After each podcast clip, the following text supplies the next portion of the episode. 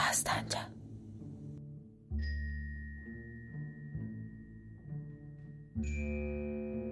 Bir neçə gündən bəri Nina çox qəmli görünürdü.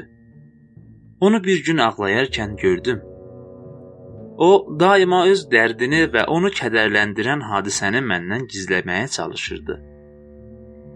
Dərdini mənə bildirməmək üçün məni görürkən gülüşlərlə qarşılayır və şadlığı ifadə edə biləcək söhbətlər başlayırdı. Lakin bu yenə də əvvəlki Ninam nəvazişli, şad və sevincli Ninanı əvəz edə bilmirdi. Mən də çox yorğun idim. Nədənsə kiçik Məcidin tərbiyəçisi Səltənət də bu gün gəlməmişdi. Nina haraya isə getməli idi. Məcid nahar yeməyindən sonra yatmışdı. Uşağı tək buraxmaq mümkün değildi. Mən orada biraz rahat olmağı, həm də Nina qayıdınca evə uşağa qarovul çəkməyi qərarı aldım. Nina otağına girdi. Birazdan sonra tamamilə qara paltarlarını geyib matəmli bir qız kimi vidalaşıb getdi. Şübhələndim. Nədənsə bu qədər inandığım, ölüm dirim meydanında əl bir işlədiyim qızdan tez-tez şübhələnirdim. Bu şübhə məni yatmağa qoymadı. Nə qədər o tərəf bu tərəfə çevrildimsə, yenə məni yuxu aparmadı. Getmək mümkün değildi. Uşağı buraxa bilmirdim. Durub paltarlarımı geyib çayı hazırladım. Oxumağa bir şey axtarırdım. Kitabları araşdırdım. Ninanın əvvəldə sevdiyi və Təbrizə gələrkən mənə göstərdiyi Üç tüfəngli adlı kitabı götürdüm. Kitabı araladım. Əvvəlcə şəkillərini gözdən keçirmək istədim. Əsərin qəhrəmanlarını oxuyurdum. Ninanın bu qəhrəmanlarla nə qədər maraqlandığını düşünərkən məndə o qəhrəmanlara qarşı bir sevgi oyanırdı. Çünki mənim sevdiyim qız vaxtı ilə onları sevirdi. O nə üçün qəmgindir? Nə üçün ağlayır? O nə üçün qara geydi? Niyə məni evdə buraxıb getdi? Bəlkə də onun sevgilisi vardır. Bəlkə mənə öz qəlbini deməyə utanır. Bəlkə də o açıqdan açığa məni rədd edə bilmir. Bəlkə də Təxminə xanım məni aldadır. Kim bilir, Təxminə xanım onu bir başqası ilə tanış mı etmişdir? Bunları düşünərkən yenə də Ninanın mənə qarşı səmimiyyətini xatırlayıb Bütün şübhələrimi rədd etməyə çalışdım. Mən bu düşüncələrin təsiri ilə kitabı varaqlayırdım. Kitabın arasında qalın bir kağız olduğunu hiss etdim. Bununla çox maraqlandım. Ninanın indiki sırlarına bununla yol tapacağımı düşündüm. Bəzən qızların bütün varlığını və qəlbini ifadə edəcək kağızların kitab arasında gizlədiyini bilirdim. Kağızı götürdüm Riqadan yazılmışdı. Kağızı yazan Ninanın anasıymış. Konsulxana ünvanına gələn bu məktub musiqi müəlliməsi Rozinaya yetişməli idi. Məni heyrət götürdü. Xəcalətimdən tərlədim. Köksümdən, başımdan buxar qalxdığını hiss edirdim. Hərəkət etməyə taqətim yox idi. Məni sevən, Mənim sevgim üçün ölümlər qarşısından atılan bir qız indiyə kimi doğru adını belə mənə söyləməmişdir. Düşündüm. Bir neçə dəqiqə bu düşüncələr davam etdi. Öz-özümə dedim: Yox, yox. Bu qız sadə bir qız deyildir. Bu bilə-bilə özünü sadə göstərirmiş. O nədir? O kim ola bilər? O ziddi inqilab deyildir. O konsulun xəfiyyəsi də deyildir. Çünki ziddi inqilab olsaydı, bu qədər gizlin sırları gətirib inqilabçıların əlinə verməzdi. Yenə də düşünməyə başladım. Yox, bu inqilabçıdır ondan inciməyə haqqım yoxdur, çünki mən özüm də öz doğru adımı deməmişəm. qız inqilabçıdır. İnqilabçı olduğu üçün də ehtiyatlıdır. O məni sevir, çox səmimi sevir. Kim bilir, bəlkə məni inqilaba xidmət etdiyim üçün sevirmiş. Əgər belə isə, o yenə də məndən uzaq görücü və diqqətlidir. Çünki o məni tez tanıdı. Mənsə onu gec və çətin tanıya bildim. Hər nə isə, qız məni sevir.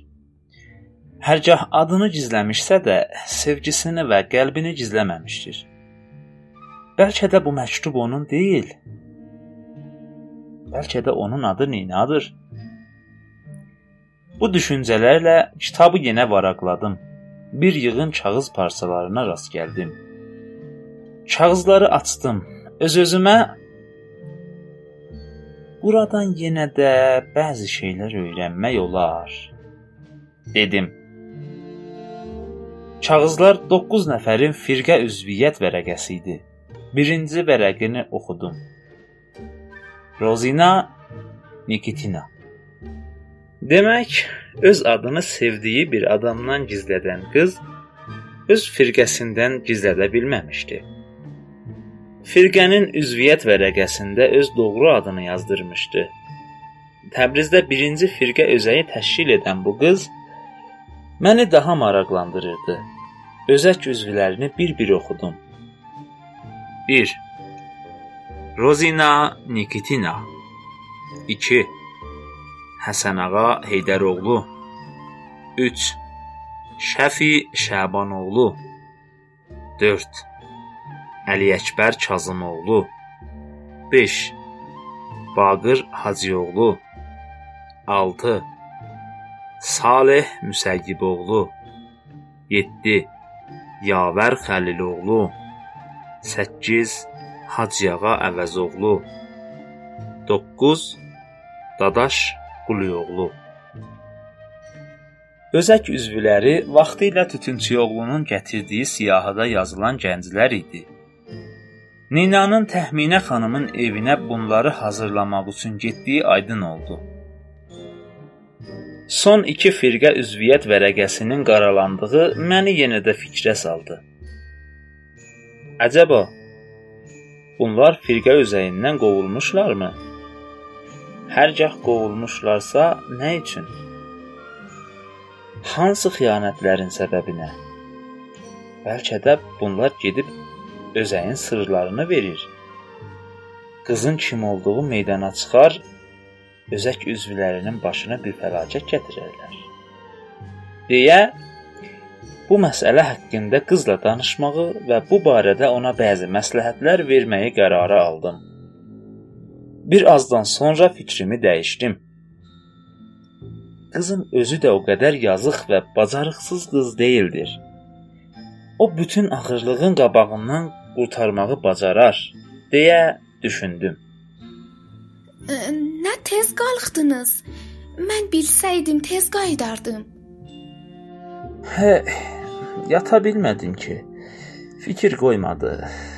Məcid də oyandı. Məcid Ninaya tərəf qaçaraq "Hara getmişdin?" deyə soruşdu.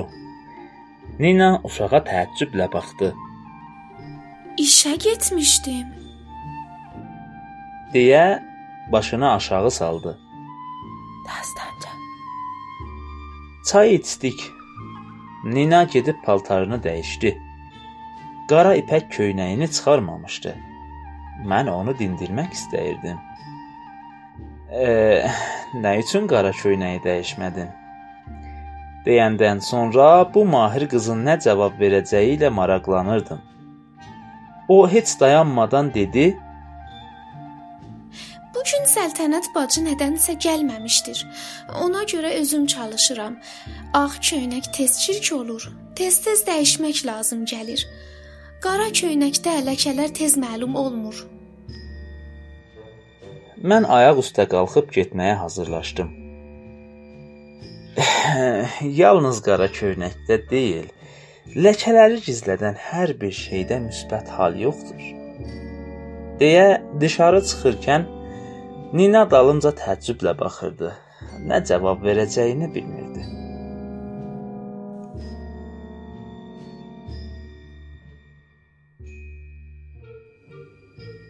Kitabın adı Dumanlı Təbriz.